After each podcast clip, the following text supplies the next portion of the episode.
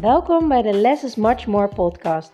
De podcast waarin je alle ins en outs komt te weten over minimaliseren en hoe je snel rust en ruimte in je huis creëert.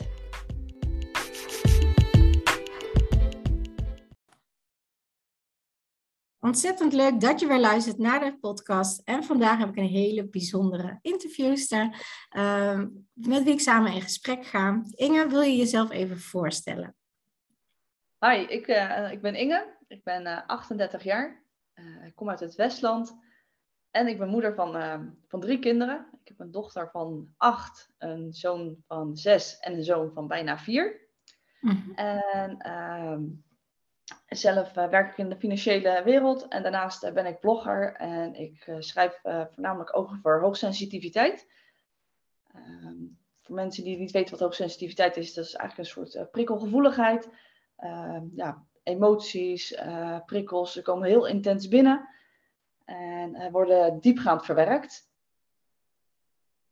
Heel mooi, ja. Daarvoor kwam ik jou ook op het spoor, omdat ik zelf natuurlijk ook hoogsensitief ben. En ik vind het heel interessant om, uh, om artikelen te lezen. Jij had een hele leuke schrijfstijl, dus hoor je dit, ken je Inge nog niet? Kijk vooral even op de Instagram en op de website. Inge Beleefd is het. En jouw website heet? ingebeleefd.nl nou, helemaal goed, want het is echt heel interessant. En je hebt ook kinderen natuurlijk, dus je schrijft over heel veel verschillende topics.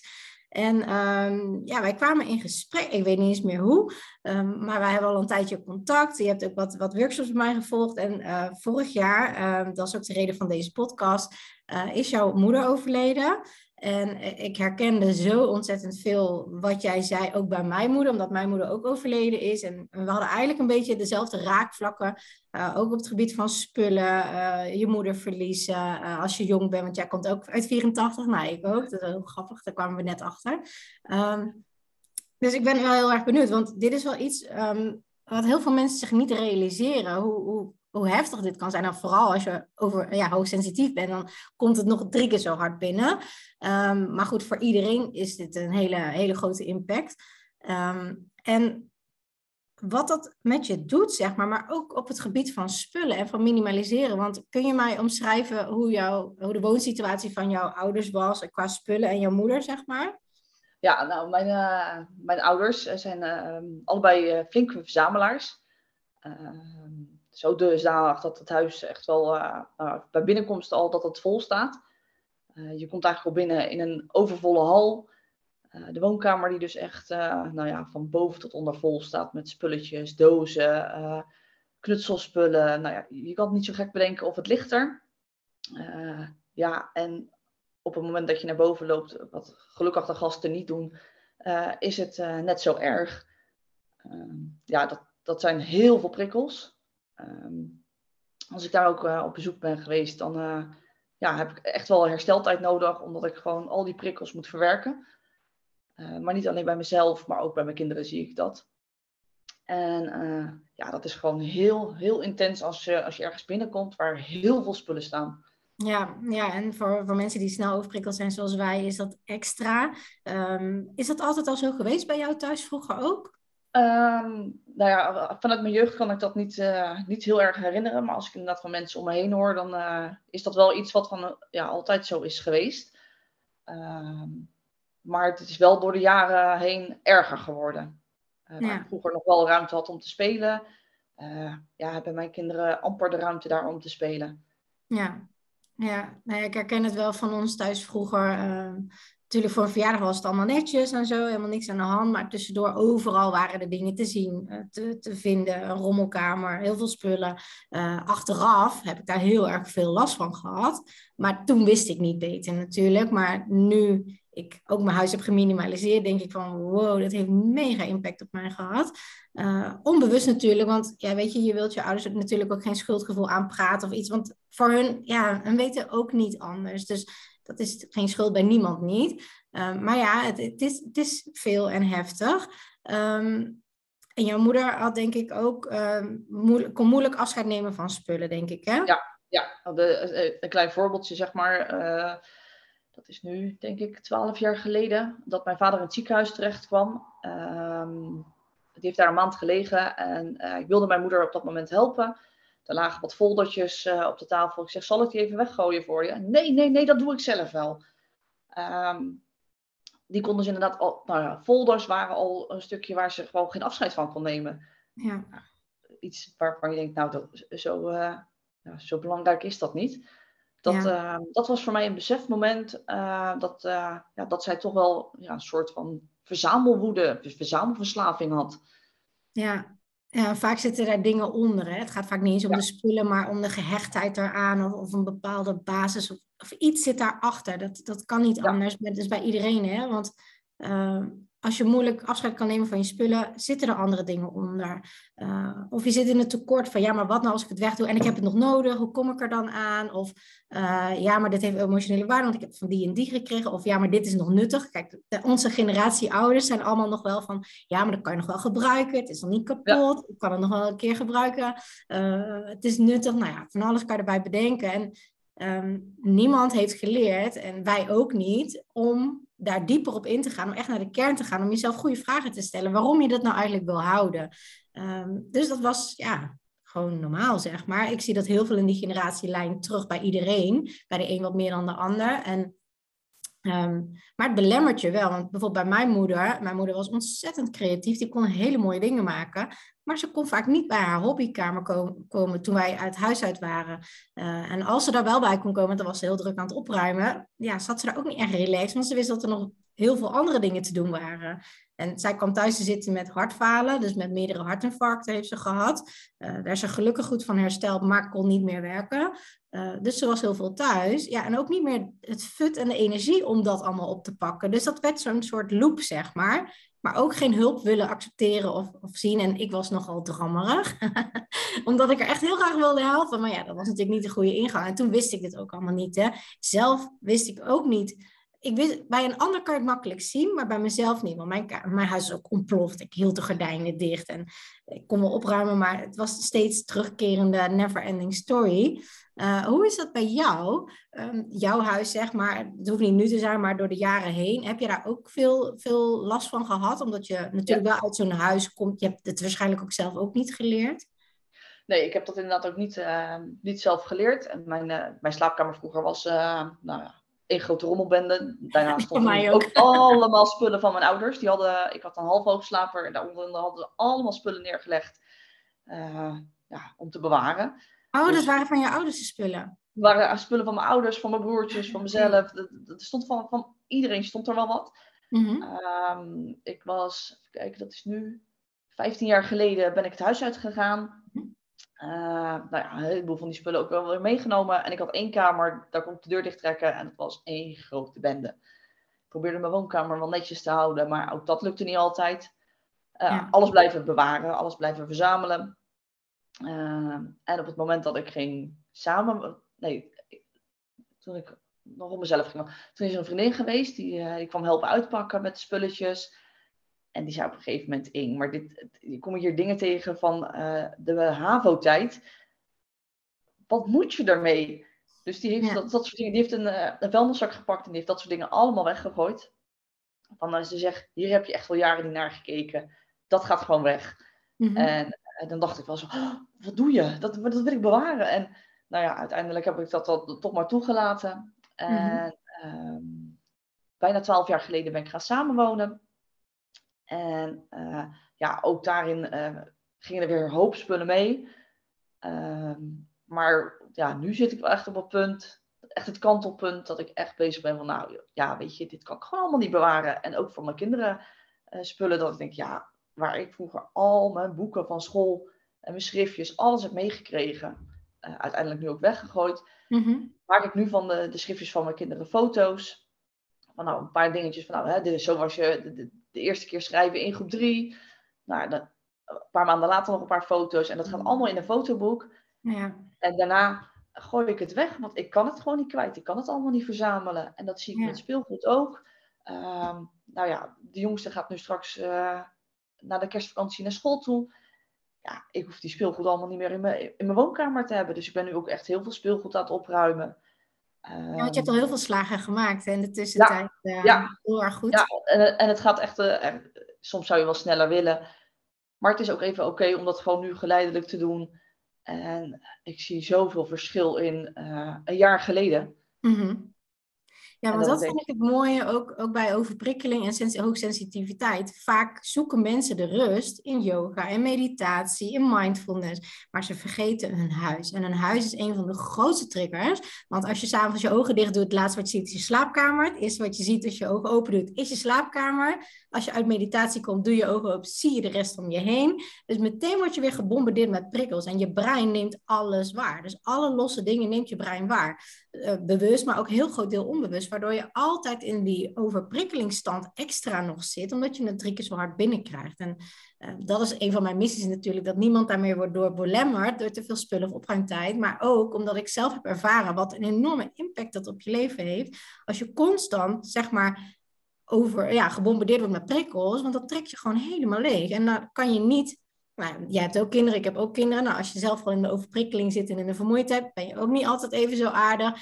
Zit ik ook vaker, heb ik een korter lontje. En dat komt ook niet ten goede aan je gezin. Dus, ehm, maar dat is iets. Maar dan moet je wel eraan toe zijn om daar uh, ja, dapper genoeg zijn om daar doorheen te gaan. Want het is heel veel en het is heel overweldigend. En je moet overal keuze over maken. Net wat jij zegt, overal zitten haakjes aan. En die vriendin van jou kan heel makkelijk jouw spullen weggooien. Uh, maar jij, over dezelfde spullen, heb je daar veel meer moeite mee. En waarom? Zitten overal haakjes aan. Allemaal herinneringen, dingen. Heeft zij niet. Uh, maar andersom, als je bij haar zou komen, zou zij misschien sommige dingen moeilijker kunnen weggooien. Maar jij veel makkelijker, want er zit geen attachment aan. Het zijn haar herinneringen, haar emoties, waardoor zij een vaas bijvoorbeeld niet weg kan doen. Maar jij denkt, ja, wat moet je nou met een vaas? Een vaas is een vaas, weet je wel? Eh, dus ik, ik zelf als coach, ik, ik beslis ook nooit wat mensen wegdoen. Ik stel alleen de goede vragen en dan beslissen mensen zelf. Maar dit, dit is wel natuurlijk... Uh, voor je kinderen kan je het ook makkelijker wegdoen. Uh, en als ze klein zijn, kan je nog voor hen beslissen, maar daarna samen. Want ieder heeft zijn eigen ja, authenticiteit, vind ik altijd. Want soms bij mijn kinderen is dat zo dat dan willen ze iets wegdoen. En dan denk ik, nee, maar dat is toch hartstikke mooi, dan moet je het niet wegdoen. Maar dat is eigenlijk mijn herinnering. Dus dan gaat het in mijn herinneringendoos of memory box. Uh, maar soms willen ze dingen houden. Ik denk, wat moet je met die prul? Maar voor hen is dat heel belangrijk. Dan denk ik, oké, nou ja, jouw ding, maar dit gaan we wel begrenzen. Uh, maar ja, dat, zo werkt het. En als je, bij mij is mijn overprikkeling keer tien gegaan toen ik kinderen kreeg. Want dan komt er een hele berg aan spullen bij en prikkels en druk en weinig slaap en alles. Hoe is dat bij jou gegaan toen je je kinderen kreeg? Uh, nou ja, ik ben daar eigenlijk pas uh, bij mijn oudste achter gekomen dat ik hoogsensitief ben. En dat heeft uh, toen nog twee jaar geduurd voordat ik dat door had. Ehm, ja, als je, die overprikkeling is wel meer geworden inderdaad uh, na de komst van de kinderen. Omdat je, ja, je, je hersteltijd ja, moet je echt wel plannen. Ja. En uh, voorheen kon je nou, zonder kinderen, als je een, een, dag, een, dag, een dagje brak was, ja, dan was het niet erg, want er was toch voor de rest niemand waar je rekening mee moest houden. Ja. En nu, ja, als ik brak ben, ja, dan moet ik gewoon door. En dan kan ik niet de hele dag in mijn bed blijven liggen. Ja, en zie je dat ook bij jouw blog en, en mensen die jou volgen ook terug, dat, dat vaak uh, uh, hoogsensitiviteit of ADD, dat is bij mij pas boven komen drijven op het moment dat ik kinderen had, dat ik echt compleet ging vastlopen. Uh, zie je dat bij heel veel van jouw lezers ook terug, dat ze pas op een later moment daarachter komen als er echt te veel prikkels op ze afkomen? Ja, dat is de, je merkt echt wel dat, ehm, dat een groot deel van de generaties van, ja, van onze leeftijd uh, helemaal niet bekend is met hoogsensitiviteit. Het is ook pas in 1997 uh, officieel bevestigd dat dat bestaat. Ja. Uh, dus eigenlijk alles van voor die generatie, van voor 1997, komen er pas op een latere leeftijd achter. Ja. Ik ja, hoor ook inderdaad vrouwen, die, maar ook mannen, die pas rond de 60ste erachter komen dat ze hoogsensitief zijn. Oh, wow. ja. ja, en de generatie nu, dus de, de, de, nou, de jonge kinderen, die worden vaak al veel eerder ontdekt dat ze hoogsensitief zijn of in ieder geval prikkelgevoelig. Dat is ADD, ASS. Mm uh, ja, dat zij dus de, ja, stappen moeten ondernemen om die prikkels te verwerken. Uh, dus ik ben voor mijn dochter heel erg blij, maar ook voor mijn, mijn, zo, mijn twee zoontjes, die ook hoogsensitief zijn, uh, dat ik ze dus uh, die basis wel kan meegeven. Dat ik ze Ja. kan leren een stapje terug te zetten en dat dat oké is. Ja. Ja, iets wat ik zelf nooit geleerd heb. En ook de vrouwen om me heen en de mannen die mijn blog lezen. Ja, dat ze zo blij zijn dat ze nu weten dat ze niet gek zijn en dat ze niet anders zijn, maar dat ze gewoon zijn wie ze zijn. En ja, inderdaad, gevoelig voor die prikkels. En vaak gaat daar wel een burn-out uh, aan vooraf, voordat ze daarachter komen. Ja, want je gaat maar door. Hè? En dat is ook een beetje wat er verteld is en de, en de omgeving. En ik heb dat vroeger ook gehad. Van ja, weet je, uh, ja, dan ben je maar een keer moe. Ja, ga gewoon door. En bij mij uitzicht dat heel erg een vermoeidheid en helemaal hè, het niet meer zien.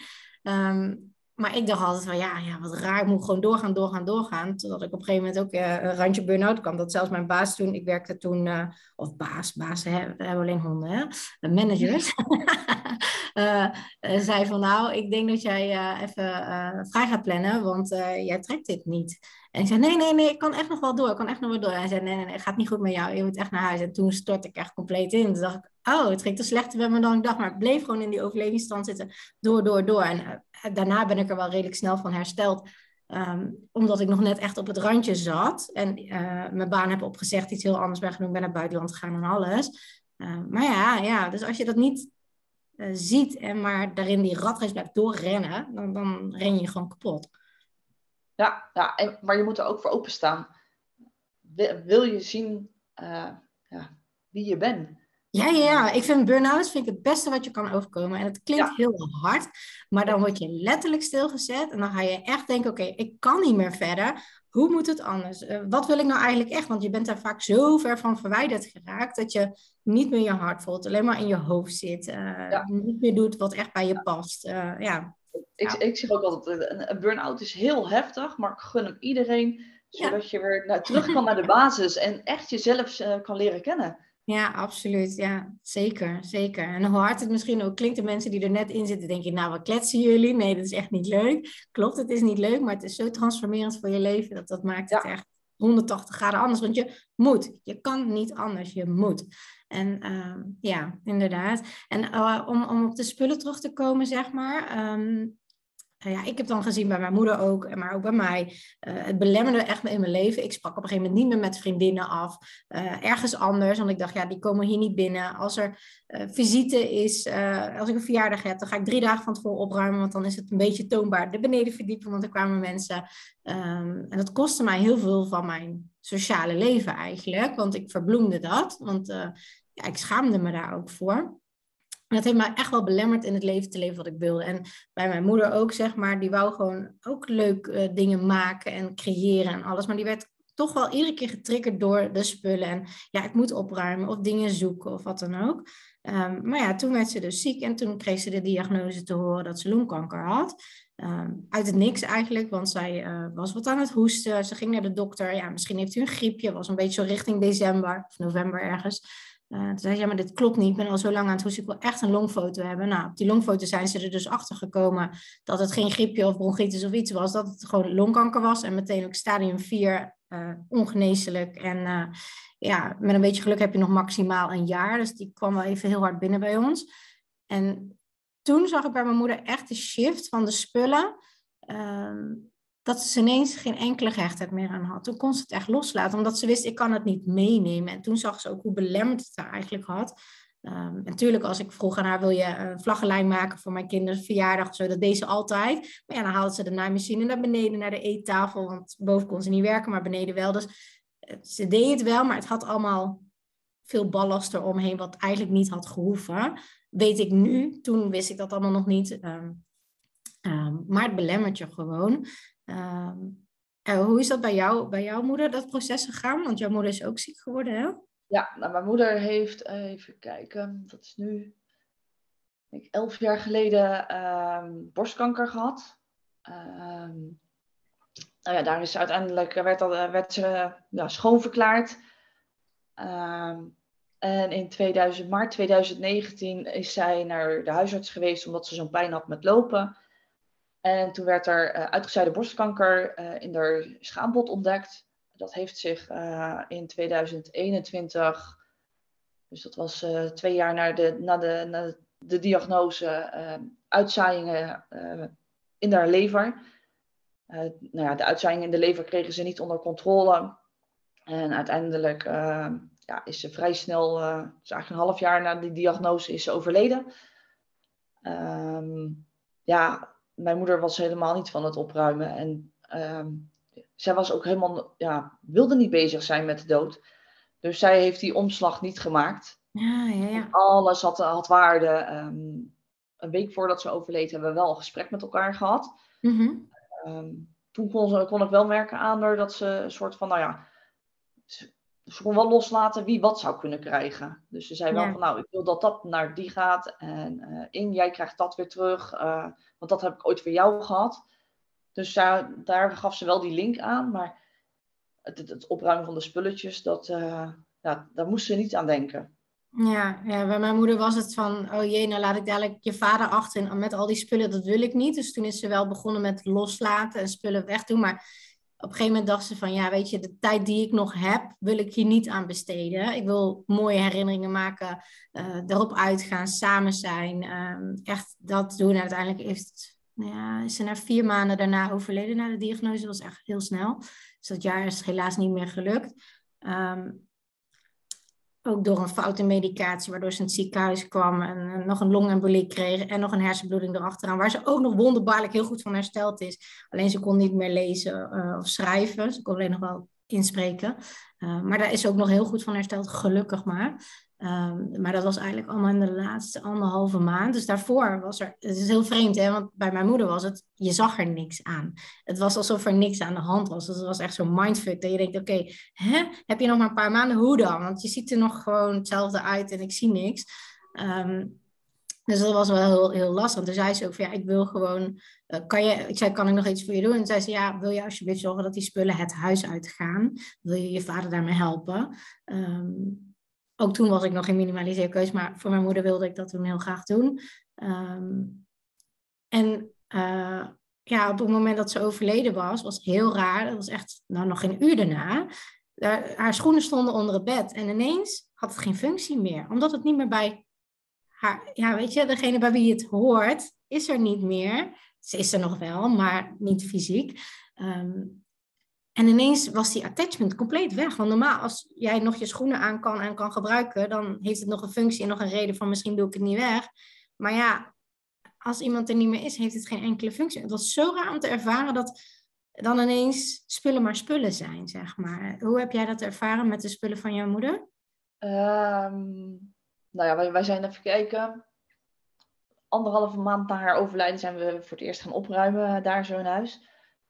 Um, ja, ik ben, toen, uh, ik ben toen uh, samen met mijn schoonzus en, en mijn man uh, zijn we in de slaapkamer begonnen. En toen kwamen we, nou, dus, haar kleren. Nou, toen kwamen we kleren tegen met kaartjes er nog aan. dat ze gewoon niet meer wist dat ze die had. dat ik dacht, ja, ja, het zijn broeken. Ja, ja de, iedere andere vrouw kan ze ook dragen daar, daar, voelde ik inderdaad ook helemaal geen waarde aan. En dat was ook gewoon heel makkelijk wegdoen. Mm ja, maar ook gewoon andere dingetjes dat ik dacht, ja, hartstikke leuk, maar het, dit voelt niet meer van mijn moeder. Dit, ja. ja, gek is dat, hè? Dat ineens die gehechtheid compleet wegvalt. Het ja. spullen zijn maar spullen. Heel stom is dat hoe dat werkt. Maar iedereen koppelt daar uh, haakjes aan. En daardoor wordt het moeilijk om los te laten.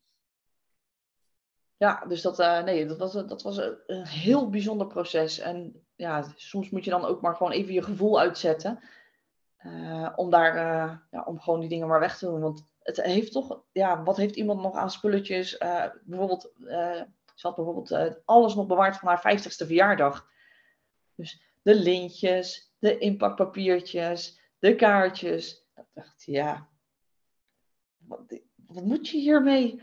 Ja. En dat, uh, nou ja, dat, uh, we, we, hebben dat, we hebben om dingen gelachen, we hebben om dingen gehuild. Uh, ja, het is echt een heel proces waar je doorheen ja, gaat. Hè? Ja. ja. Dus dat, ja. ja dat blijft heel bijzonder mooi, maar ook confronterend om het te doen. Ja, ja, ja, en dat niet alleen, maar ook heel erg tijdrovend. Want het kost onwijs veel tijd om hier allemaal doorheen te gaan. Ja, en we, nou, wij zijn dan in die slaapkamer bezig geweest. Nou, we zijn, even kijken, s ochtends om 11 uur begonnen tot 3 uur. En toen, het waren we nog niet klaar in die kamer. Mhm.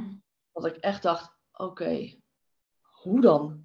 Dat, dat was, nou ja, we zijn echt, uh, echt wel aan, aan, het opruimen geweest. En dat ik dacht, nou, we zijn zo lang bezig geweest en we zijn eigenlijk nog niet eens klaar. Ja. Maar dat had ze natuurlijk ook zelf helemaal niet alleen kunnen doen. Zo'n enorme nee. klus, hè? Ja, ja, dat was ook echt dat ik denk. Maar ook gewoon, nou ja, ik zeg, we vonden 30 spijkerbroeken. Ja. Niet gedragen. Ja. Ja, dat je dan ook gewoon, het is gewoon zo bijzonder om dan, want te zien dat iemand dus ja, zo ziek is geweest dat je het gewoon ook niet meer weet wat je had. En dat is ook nu, nou hè, de, de, kaartjes bewijzen dat maar weer, dat je dan gewoon, dat ze dus gewoon niet meer wist dat ze ze gekocht had. Of dat ze niet meer wist waar ze ze gelaten had. Exact dat, ja. ja want dat is voor heel veel mensen. En toen ik ging, zelf ging minimaliseren, kwam ik ook nog spullen tegen met kaartjes. Omdat dat helemaal achter in de kast zat. En dan vergeet je het. Of het laatst staat bovenop zolder, wat dan ook. Ja, dat je denkt, ik heb zoveel spullen, ik weet niet eens meer wat ik heb. En dat is ook bij heel veel mensen zo. Dan zeg ik, joh, al mijn klanten, en dat zijn, uh, dat zijn variërend van uh, veel spullen naar, naar wat minder spullen. Um, Iedereen komt iets tegen waar ze niet meer van wisten dat ze dat hadden. Want het is vaak zo ontzettend veel. Of het ligt ergens achter een kast of wat dan ook. En, en dit, dit maakt het heel lastig, want uh, hoe meer je hebt, hoe minder overzicht je hebt. Als je ook geen systemen ervoor creëert, waardoor je ziet, oké, nu ga ik over de max in, net als met een koffer. Hè? Als je op vakantie gaat, je ziet op een gegeven moment, oké, ik kan er wel 60 spullen in stoppen, maar op een gegeven moment gaat hij overlopen, past hij niet meer dicht. Oké, dit is een teken, je moet nu mee stoppen, ik moet iets anders kiezen. Nou, bij kasten en woningen en ruimtes is dat niet zo. Als je geen systemen hebt, dat, zit hem altijd bij mij in twee dingen, uh, in minimaliseren en in systemen creëren. En als jij een van de twee niet doet, Ehm, dan werkt het niet. En vooral systemen creëren als je heel veel hebt, dan werkt het ook niet, want dat is echt heel erg lastig en heel erg veel. Maar dat zijn wel dingen uh, die heel moeilijk kunnen zijn. En uh, ik vind het ook lastig. Um, tenminste, ik ben eigenlijk benieuwd hoe jij dat ervaren hebt met jouw vader. Want jouw vader leeft nog wel, die woont ook nog in het huis. En jouw broer ook nog, ja. zei je net. Dus je gaat eigenlijk gedeeltelijk uh, spullen opruimen. Dat was bij mij ook zo. Mijn vader leeft ook nog, woont ook nog in het huis. Dus kijk, je hebt ook mensen van wie beide ouders overleden zijn. En dan ga je een heel huis leeghalen. Vaak moet dat in een maand, want dan heb je de huur opgezegd. En zelfs, uh, dat vond ik echt schrijnend. Maar ik begrijp het ergens ook wel. Um, in verzorgingshuizen moet je binnen een week de kamer leeg hebben. En dat is vaak nog zelfs voor de begrafenis of de crematie. En dat komt omdat er zoveel nood is aan, aan verzorgingsplekken. Maar voor de nabestaanden is het heel, heel heftig om dat ook nog even te moeten doen in die week, wat al alles op zijn kop zet. Um, hoe heb jij dat ervaren in het huis omdat jouw vader er ook nog woont? Was hij heel erg betrokken in het proces? Of zei hij, ga je gang maar? Of hoe, hoe uh, heb jij dat ingedeeld? Nou ja, mijn, va mijn vader die, uh, vond deels dat we ons gang uh, mochten gaan. En we hebben het met hem afgesproken van nou, alles waarvan wij 100% zeker weten uh, dat het weg kan, uh, dat doen we gelijk weg. Dat gaat een zak in of dat gaat een doos in en dat gaat naar, of naar de kringloop of ja. naar het goede doel. In ieder geval, dat gaat weg. alles waar we over twijfelen, doen we in een kratje. Dat, want nou wij zaten dan boven en hij zat, was beneden. Mijn vader ja, is gewoon niet in die gezondheid dat om, om het zelf ook te doen. Mm-hmm. Dus dan brachten wij het naar beneden en dan lieten we hem kijken, nou, wat kan weg, wat moet nog blijven. En um, nou ja, alles waarvan we 100% zeker wisten, dat kan, kan of mag nog niet weg. Dat uh, ja, probeerden we met een systeem netjes in een kast te doen. Um, dus uh, nou, één kast met allemaal spulletjes voor de, voor de kleinkinderen. Mm-hmm. Een kast met allemaal verzorgingsproducten. Want nou ja, er staan in die slaapkamer ook meerdere kasten. Dus we, hadden, we konden alles op een bepaalde plek neerzetten zodat hij de overzicht weer terugkreeg. Ja. Mm-hmm. En uh, nou ja, vanuit de, de, en dan als we de, de, de, de twijfel, de twijfelbak, die namen we dan met hem naar beneden. En dan ging ik samen met hem zitten van nou hè pap, uh, wat wil je hiermee? Kan je hier iets nog mee? Of is dit, uh, moet het naar, naar, een stichting toe of naar een goed doel toe? Of, en zo gingen we stap voor stap alles, uh, alles doornemen. En ja, de ene keer was het heel verrassend uh, dat hij zei van nou nee, nee, dat kan wel weg. Uh, maar het was soms ook heel verrassend waarvan ik dacht, nou dit, dit zou misschien wel weg kunnen. Dus daar had hij dan wel moeite mee. En dan kwam dat bij hem in de blijvenstapel. Exact. En dat is precies waarom niemand anders over allemaal spullen kan beslissen. Omdat je het niet kan bedenken waarom iemand hier gehechtheid aan kan hebben. En dat is wel heel mooi, want ehm, ja, vaak zeggen mensen, oh ja, kom wel even helpen en ik gooi wel even wat weg. En nee, nee, nee, nee, nee, dat gaan we niet doen. Uh, dat wordt niet weggegooid. En dat is ook vaak de reden waarom partners van mensen die bij mij uh, de trainingen willen volgen bij andere opruimcoaches, wat dan ook, helemaal uh, in de stijgers gaan staan van, ja, maar ho eens even, dadelijk gaan ook al mijn spullen weg. En dat is niet de bedoeling. Dus ik zeg altijd, blijf daar af. Je beslist daar niet over. mijn man heeft een heel lelijk bamboe krukje en dan moet ik altijd heel hard om lachen. Dan zeg ik, nou, het liefst gooi ik dat ding over het balkon heen. Hoppakee, weg ermee. Maar ja, ik kan er niet over beslissen, is van hem. Dus um, ja, dat is wel lastig. En, en eigenlijk maakt dit gedeeltelijk opruimen veel moeilijker dan dat je een huis helemaal moet leegruimen, omdat het nog van iemand van waarde kan zijn en nog van die persoon kan zijn en dat diegene het wel belangrijk vindt, waardoor je nog drie keer zoveel erover na moet denken. Wat het proces ook wel intensiever maakt, vind ik, voor de nabestaanden, voor de kinderen. Dat maakt het heel moeilijk. Zeker weten, ja. Ja, ik heb dat ook ervaren bij mijn vader. Ik heb het eigenlijk heel erg bij mijn vader gelaten. Want ik dacht, ja, hij woont hier nog. Hè. Hij beslist. Uh, niet van, oké, ja, ik ben uh, vandaag er wel aan toe om spullen weg te gaan gooien. Hallo, hier ben ik. En ik trek even die kasten leeg. Nee, ik heb dat echt helemaal bij hem gelaten. Uh, ik zei, ik wil je met liefde helpen. Mama heeft dit gezegd. Ik heb daarvoor al heel veel gedaan over mijn moeder. Maar daarna nog. Um, mama heeft het gezegd, maar zeg jij maar wanneer je eraan toe bent. Zeg maar wat ik kan doen. Uh, daar help ik allemaal bij. En uh, eigenlijk na een paar weken, ik weet niet eens meer qua tijdsgeest nog, dat weet ik niet meer. Um, was het van ja, ik wil graag de kleding opruimen en de schoenen. Want ja, dat heeft geen attachment meer. Het is van niemand meer. En het ligt hier maar in de kast, terwijl iemand anders het wel nog goed kan gebruiken. En ja, voor mij doet het niks in dit huis. Dus um, nou ja, dat heb ik uh, samen met hem gedaan. Echt, echt kleding, zakken vol. Ook inderdaad spullen met kaartjes. Uh, miljoen riemen, honderd sjaaltjes. Nou ja, noem het maar op. Schoenen. Um, waarvan ik wist, dat had ik al eerder met mijn moeder al overlegd. Van joh, het zijn hartstikke mooie hakken. Maar eigenlijk kon ze die niet meer aan. Maar ze wilde ze toch niet wegdoen. Terwijl ze het eigenlijk gewoon niet meer aankon en niet fijn vond lopen. Maar ze hield ze toch. En weet je, dat kom je allemaal tegen. En dat heeft allemaal triggers. Ook voor, voor jou en voor mij. Dat uh, bijvoorbeeld schoenen uh, die ze aan had als je ergens samen was. Of iets. Je komt overal herinneringen tegen. Waarom? Omdat jij, uh, je brein werkt zo. Op het moment dat je een object ziet, wordt direct een herinnering getriggerd. Wat weer een emotie triggert. Wat het proces lastiger maakt. Heb je dat ook ervaren, dat je dingen tegenkwam van, oh ja, toen, of ja, dat was dat? En... Ja, ja, zeker. Dat, uh, ja. Uh, op het moment dat, zeg maar, net voordat mijn moeder overleed, uh, ja, hadden we toch wel zo van, oh ja, we moeten de kleren nog uitzoeken die, ze, die we er aangeven voor in de kist. Ja. En ehm, nou ja, we, we, hebben daar dus wel de broek gevonden die we, die we heel graag haar aan wilden geven. Dat we, ze had uh, het setje nog wat ze aan had op mijn bruiloft. Ah, oké. En die broek die konden we wel vinden, het jasje konden we vinden, maar we konden het shirtje niet meer vinden. En uiteindelijk hebben we wel een shirtje gevonden, uh, ja, wat daar wel, uh, ja, wat er redelijk op leek. Uh, maar dan heb je dat in je handen en dan denk je, oh ja, dit had ze aan op mijn bruiloft. Ja. En ehm, uh, we kwamen ook nog andere dingetjes tegen. Oh ja, weet je nog, dat. dat. En Ehm, nog een stukje over uh, haar eerste periode van ziek zijn. kwamen ook dingen tegen. Uh, ja, dat zijn wel dingen dat ik gezegd heb. Van, oh ja, dit moeten we misschien nog wel even bewaren uh, voor mijn vader, zodat hij dingen nog terug kan lezen. Ja.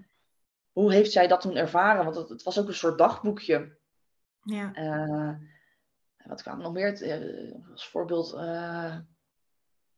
nou, er waren echt inderdaad een aantal dingen dat we tegenkwamen. Dat we dachten, oh ja, uh, oh, haar prothese. Zij heeft een mhm. tijdje nog uh, uh, geen borstreconstructie gehad, dus had een prothese. En uiteraard hebben we daar ook keihard om, om gelachen, want ik zei: hey, ik heb nou de borsten van mijn moeder in mijn handen. maar ja, het, het, het was ook. Uh, ja, dat was wel heel bijzonder om dat bijvoorbeeld terug te halen. Dat ik denk: oh ja, die periode hebben we ook nog met haar gehad. Um, ja ja, dat, dat, hè, dat, het zijn soms maar hele kleine dingetjes, maar inderdaad wel. In een split second komt dat terug. Ja.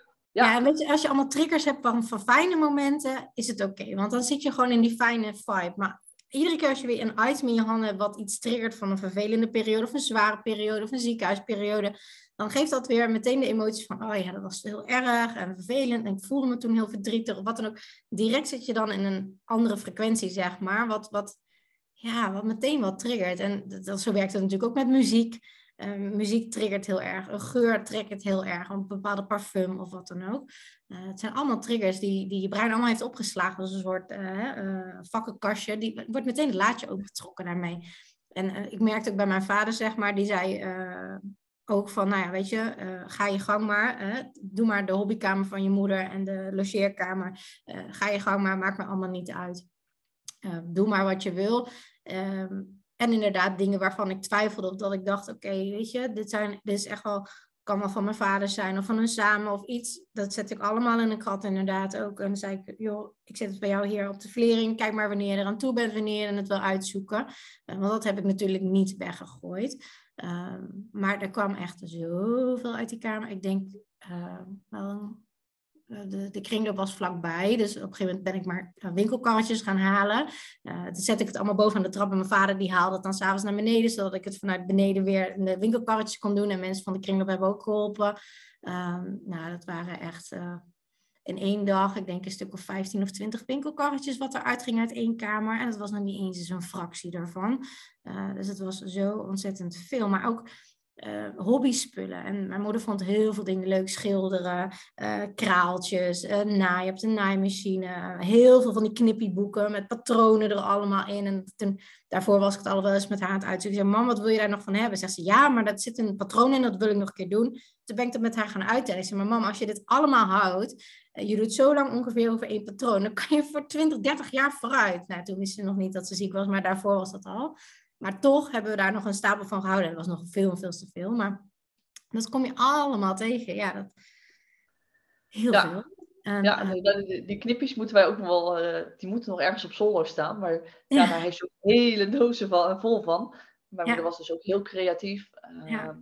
Nou ja, ze haken. Nou, de, de wol, dat was echt, was zo waanzinnig veel. Dat we wat aan de, de school van de, de, kinderen hebben gedoneerd, aan de BSO van de kinderen, het kinderdagverblijf van de kinderen.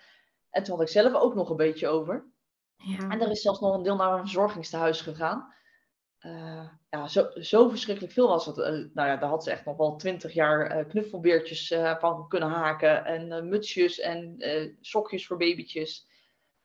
Ja, Minimaal. Ja, ja. Ja, het gekke is, hoe meer je hebt, hoe meer ehm, hoe meer ballast het eigenlijk wordt. Want als je echt alles gaat uittellen, van oké, hoe lang, de, hoe, hoe vaak haak ik? Misschien maar uh, vijf keer per week, maar misschien maar één keer per maand. Als je één keer per maand haakt, dan duurt het veel langer voordat je een project af hebt. Nou, als je dat al doet en je hebt uh, keer zoveel bolle wol, dan ben je misschien een jaar bezig, of misschien tien jaar, misschien twintig jaar. Maar als je dat niet gaat berekenen, dan weet je niet hoeveel. Dus dan heb je ook de neiging dat als je in de winkel komt, oh, die is ook wel mooi, oh, die kleur is ook wel leuk. Hop, nog meer erbij en het stapelt alleen maar op en dat is één deel. Heb je ook nog schilderspullen, ga dat eens uittellen. Hoe vaak doe je dat? Hoeveel tijd heb je ervoor? En alles bij elkaar maakt dat je misschien wel voor 400 jaar aan spullen hebt liggen, wat je never nooit niet kan opmaken in je leven. Dus maar het belemmert je wel, omdat de kamer steeds voller wordt. Je hebt op een gegeven moment geen overzicht meer.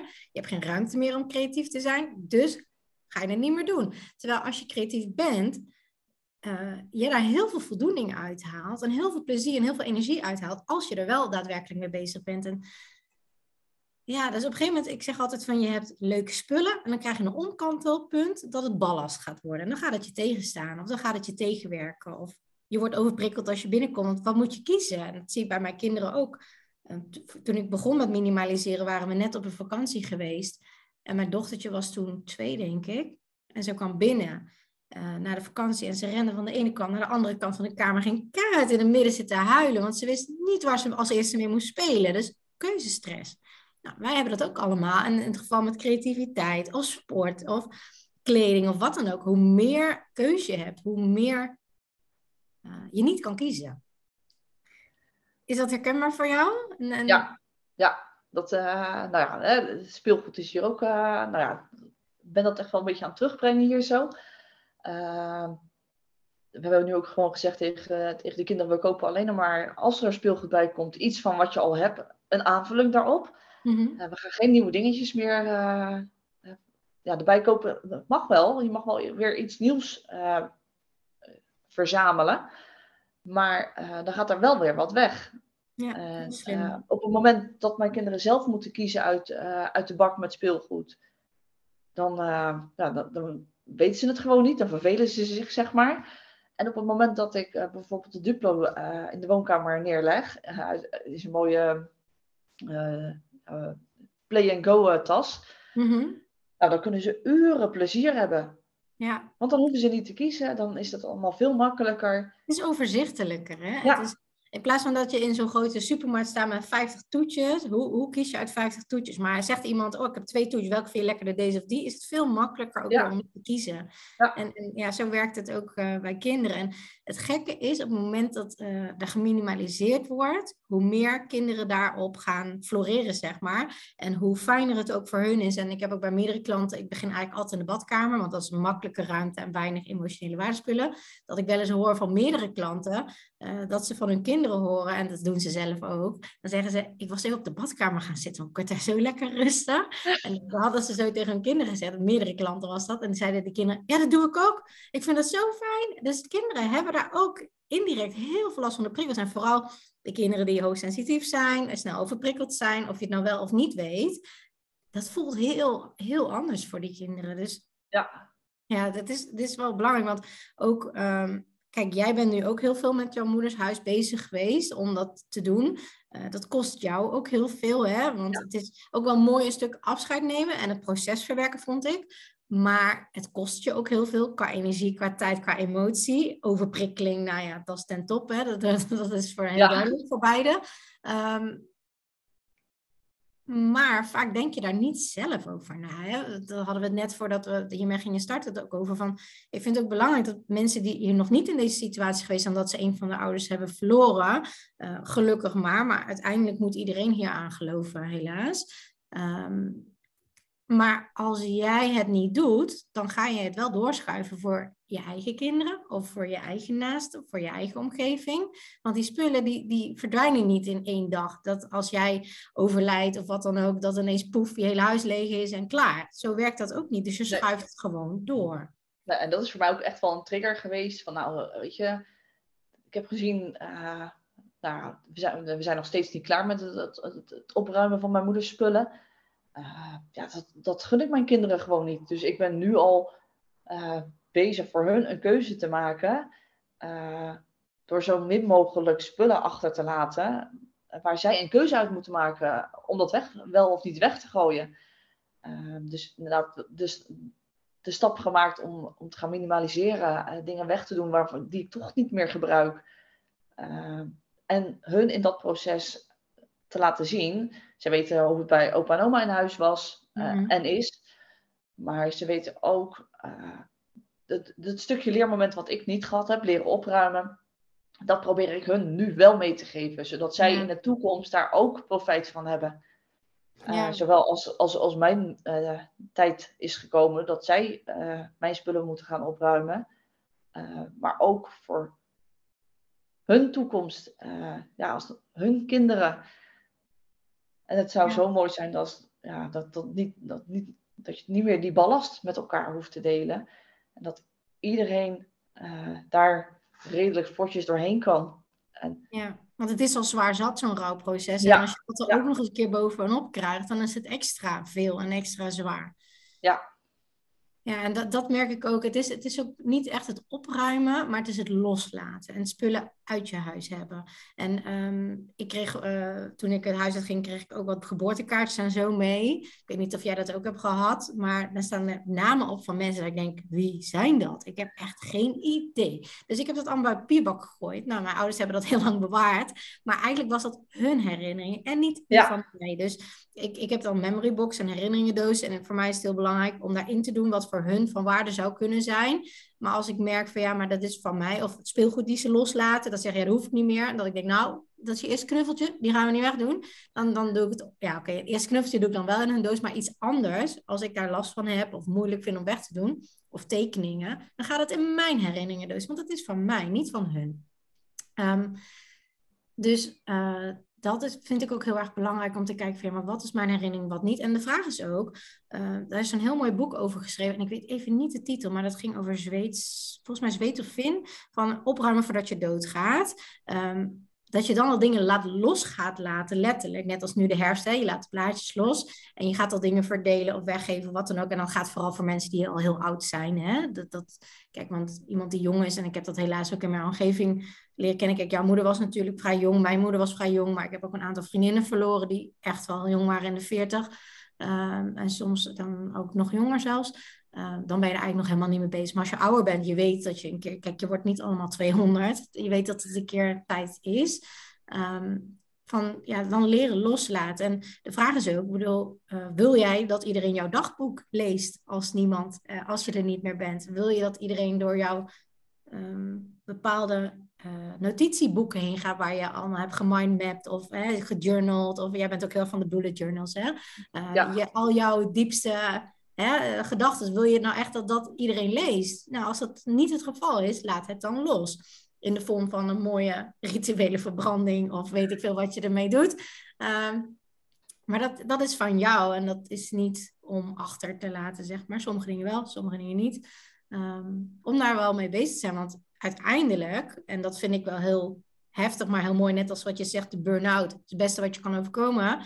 Uh, nou, dit is niet het beste wat je kan overkomen, maar het heeft voor mij wel een enorme shift gemaakt in mijn leven om mijn leven compleet anders aan te pakken, omdat je één niet weet hoe lang je hebt en twee dat je weet dat het vergankelijk is, zeg maar. Um, heeft dat voor jou een shift gebracht dat je dacht, oké, okay, uh, er kunnen dingen gebeuren die ik eigenlijk niet zie aankomen, dus ik moet echt nu gaan leven. Bij mij was dat heel sterk, hè? Ik moet nu mijn leven leven. Ik wil echt alleen maar dingen om me heen hebben die van waarde zijn, zodat ik zoveel mogelijk tijd en zoveel mogelijk ruimte en energie en geen ruis heb om mijn leven te kunnen leven. Hoe, hoe is dat bij jou geweest deze periode?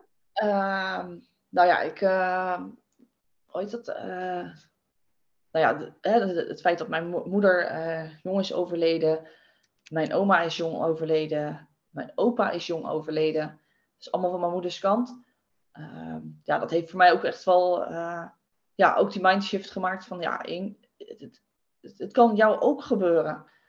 Uh, zo vond ik voor, uh, twee weken terug de brief die mijn moeder gekregen heeft uh, na aanleiding van een genetisch onderzoek. Uh, want mijn oma is gestorven aan de gevolgen van borstkanker.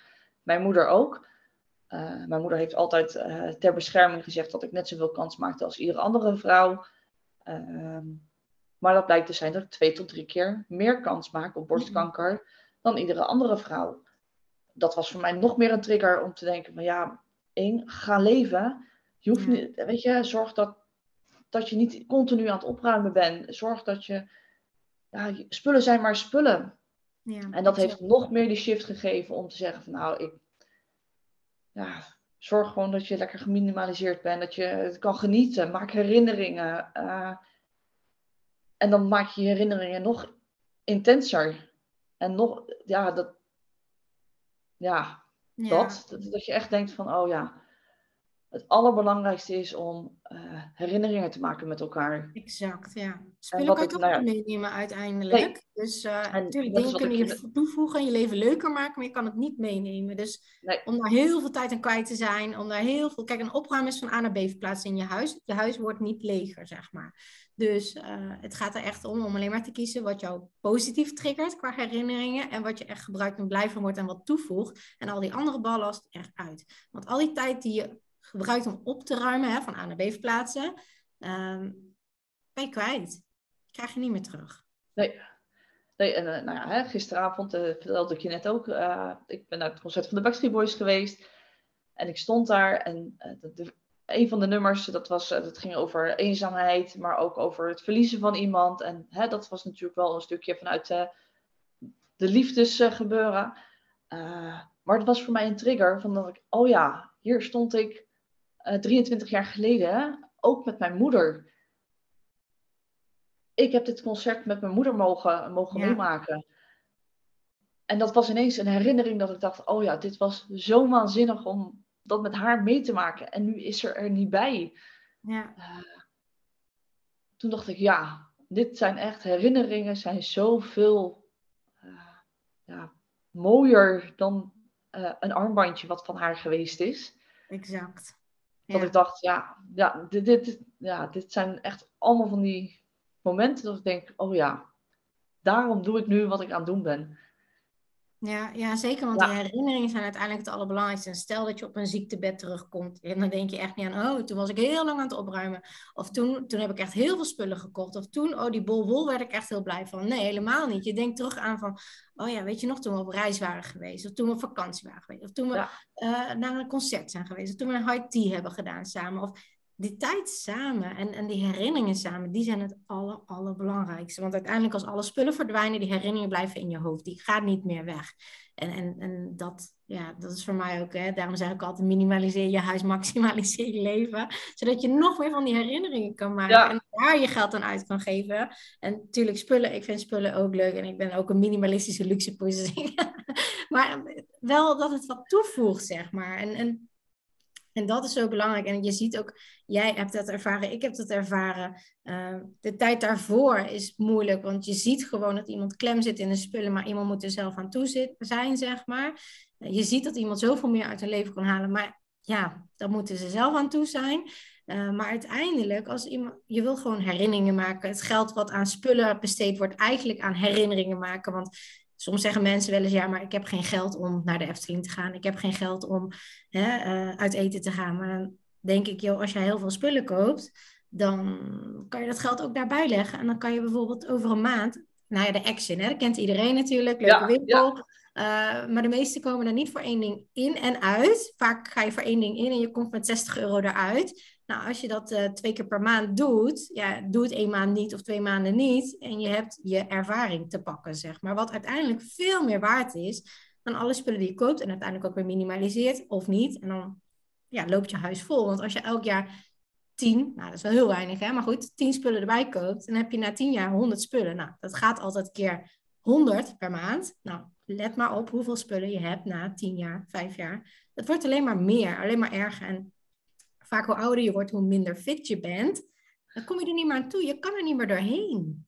Het wordt te veel en, en hulpvragen is vaak heel moeilijk, maar eigenlijk is hulpvragen heel krachtig. Want dat maakt dat je er voor open staat om een verandering te maken. En uh, ik had heel graag gehad dat ik dit allemaal al wist toen mijn moeder nog leefde. Uh, dat ik haar daarbij had kunnen helpen. Maar goed, het is gelopen zoals het is gelopen. En uh, ik ben heel dankbaar voor alle mooie herinneringen die we hebben kunnen maken.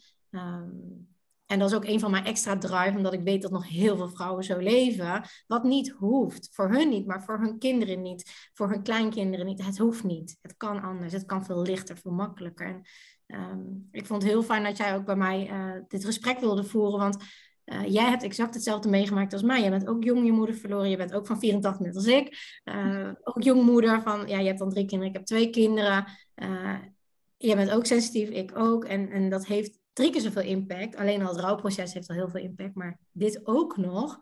Um, ik vind het heel fijn dat je bij mij hierover in gesprek wilde gaan, om mensen hiervan bewust te maken dat dit er ook nog bij komt. En ook een, een effect is van spullen en te veel spullen. En ja, dat is heel erg lastig. En um, wat ik heel mooi vond, jij hebt een, een memory box laten maken van jouw moeder. Kan je daar iets over vertellen? Um, nou ja, ik uh, inderdaad, inderdaad een, een, mooie doos laten maken waar ik de, de, mooiste spulletjes, uh, de belangrijkste spulletjes op dit moment uh, ja, in kan doen. Zodat alles op één plek ligt en dat ik op het moment dat ik daar behoefte aan heb, de box kan pakken en even rustig kan zitten. En op dit moment zitten daar nog alle kaartjes in die ik gekregen heb na, naar aanleiding van haar overlijden. daar zitten um, uh, het boekje in wat, uh, wat we gebruikt hebben in de kerk met haar uitvaart. De mhm. rouwkaart zit daarin. Um, ja, we zitten, er moeten nog wat spulletjes verdeeld worden en die komen daar dan ook straks in. Ehm, ja, en op het moment dat het voor mij, ja, dat ik klaar ben met de kaartjes, waar ik heel veel, op dit moment nog heel veel steun uit haal, mm ja, dan kunnen die eruit. En dan, dan is dat gewoon weet je, dat, dat is van mij. En mijn plekje met herinneringen aan mijn moeder.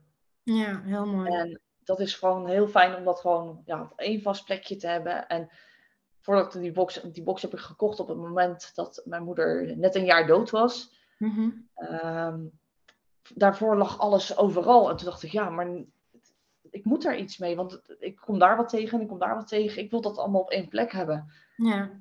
En ehm, ja, het, is gewoon echt, uh, ja, echt het, het, het, plekje wat ik kan pakken om even weer terug te gaan om herinneringen op te halen.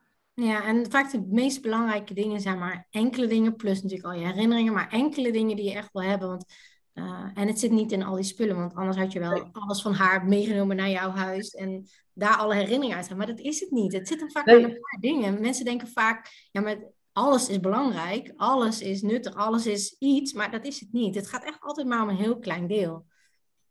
Ja, en uh, naast dat herinneringen, mijn, mijn box zeg maar, heb ik voor de kinderen een herinneringboek gemaakt. Mm -hmm. nou, mijn jongste die, die is geboren eind 2018. Dat was drie maanden voordat mijn moeder die, die diagnose uitgezaaide borstkanker kreeg. Mm -hmm. ja, die heeft zijn oma alleen maar ziek gekend. Ja. Um, nou ja, op zo'n moment, uh, hè, er zitten dan allemaal foto's in.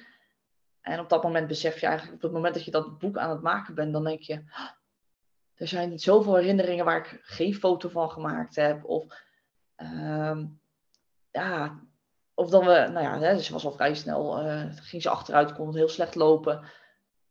We hebben maar zo weinig herinneringen nog met haar kunnen maken. Mm -hmm. Maar door dat wel in een boekje terug te laten komen, uh, ja, wordt dat niet vergeten. Ja. Ja, dat, is, eh, dat merk ik ook bij mijn kinderen. Die zijn nu uh, acht en zes. En toen mijn moeder overleed, was drie jaar geleden, waren ze natuurlijk een stuk kleiner. Mijn dochter heeft het wel aardig goed meegekregen. Mijn zoontje minder, omdat hij natuurlijk jonger was. En die foto's en zo, dat houden ook levend, zeg maar. Zodat die herinneringen er ook blijven. En uh, ja, foto's vind ik dan heel belangrijk. En ook afgedrukte foto's. Want ja, in de cloud weten hun veel waar ze dat moeten zoeken. Um, ja, dus dat, dat is wel heel erg belangrijk, vind ik zelf ook. Dat zijn de, de meest belangrijke dingen, zeg maar, die je eruit kan halen. Uh, aan de mooie herinneringen die je met iemand hebt kunnen maken. En ook voor de kinderen om dat daaraan te herinneren. Want vaak zijn ze dan nog te jong om daar echt uh, goede herinneringen aan te hebben. Ja, in de, en, en hoe zag iemand eruit? Ja. ja, en in hoeverre weet je het straks over tien jaar nog wat, uh, exact, eh, wat, wat, wat oma met hun, met hun deed. En om dat niet te vergeten ja. uh, die herinnering te houden, uh, heb ik dat op papier gezet. Ja. ja, heel mooi. Ja, zeker. Dat zei ik laatst ook tegen mijn man, want we hebben best wel wat in de cloud staan, dat we eigenlijk alles digitaliseren. En toen zei ik, joh, uh, waar zijn die wachtwoorden? Hebben we dat ergens opgeschreven? Want stel dat wij, ik hoop het niet natuurlijk, maar een auto-ongeluk zouden krijgen en we zijn er allebei meteen uh, niet meer. Uh, hoe komen onze kinderen aan onze foto's van de wereldreis bijvoorbeeld? Hoe komen ze daar aan? Natuurlijk zitten de foto's in onze herinneringendoos, want ieder heeft een eigen herinneringendoos. Maar toch, het gros staat op de laptop. Hoe kom je erbij? En wij hebben het gelukkig allemaal in de cloud staan. Want als je het op de laptop zet en je laptop crasht, dan heb je helemaal niks meer.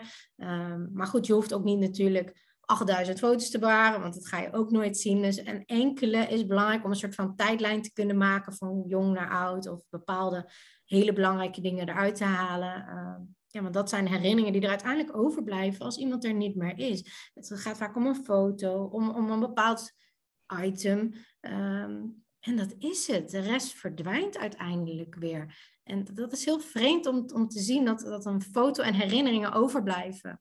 En dan zie je ook meteen weer dat het weer niet in die spullen zit. Want anders zou je zeggen alles blijft. Want het gaat om die spullen. Dat is het niet. Nee. Ja, bijzonder. Ja. Heb je nog iets wat je nog wil toevoegen waar we het nog niet over hebben gehad? Of waar je zegt, dit wil ik nog heel graag aan de luisteraars meegeven. Van joh, eh, let hierop. Of hè, als je dit en dit meemaakt, dan kun je hier en hier mee omgaan. Of... Nee, ja. Ik denk dat we wel bijna alle eh, aspecten die belangrijk zijn eh, besproken hebben. Ja, ja. ja. En weet je, nogmaals, ook al leven je ouders wel, um, je kunt ze in je kunt ze niks opleggen. En ook al zou je dat willen, dat gaat gewoon niet. En het enige wat je kan doen is het beste maken van jezelf. Uh, ze zien vaak dan de shift in jouw huis, bij jouw kinderen. En dat zet ze vaak wel aan het denken. Want dan vragen ze, jeetje, waarom doe je dat nou allemaal weg? Dat is toch zonde? Dat is toch fijn? Dat is toch handig? En dan kun je ook uitleggen wat jouw gedachtegang daarachter is in je mindset. Want het gaat altijd om mindset, uh, eh, 80%. En wellicht zet dat hun aan het denken van ja, ja, eigenlijk heb je wel gelijk. Eigenlijk wel. En als het niet zo is, is het niet zo. Want je weet linksom of rechtsom, uiteindelijk zul jij dan door al die spullen heen gaan als ze er niet meer zijn. En dan maak je een andere beslissing. Maar voor nu laat iedereen dan ook in zijn waarde. Ehm, ja, als hun dat nu nog niet kunnen, niet aandurven kijken, lastig vinden, ja, het is dan zo. En probeer wel heel veel te sturen naar mooie herinneringen te maken. Van, goh, zullen we een dagje weggaan? Zullen we dit doen? Zullen we dat doen? dat is het meest belangrijke. Nou, heel erg bedankt voor het gesprek. Ja, graag gedaan. Even af. Heel erg bedankt, Inge. Dankjewel. Ja, graag gedaan. Ik loop er even naartoe. Ja.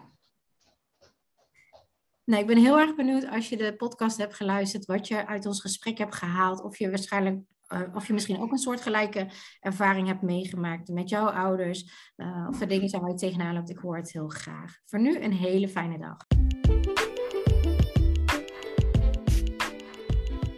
Superleuk dat je naar deze podcast hebt geluisterd. Ik hoop dat ik je mee heb kunnen inspireren en motiveren. En laat me vooral in mijn DM weten in, op Instagram of deel het in je stories wat je uit deze podcast uh, hebt gehaald en wat je gaat toepassen.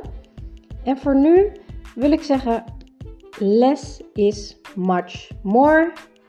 En als je de technieken gaat toepassen, dan ga je merken wat voor een enorme shift, een life-changing shift minimaliseren in je leven gaat hebben. Let the magic begin.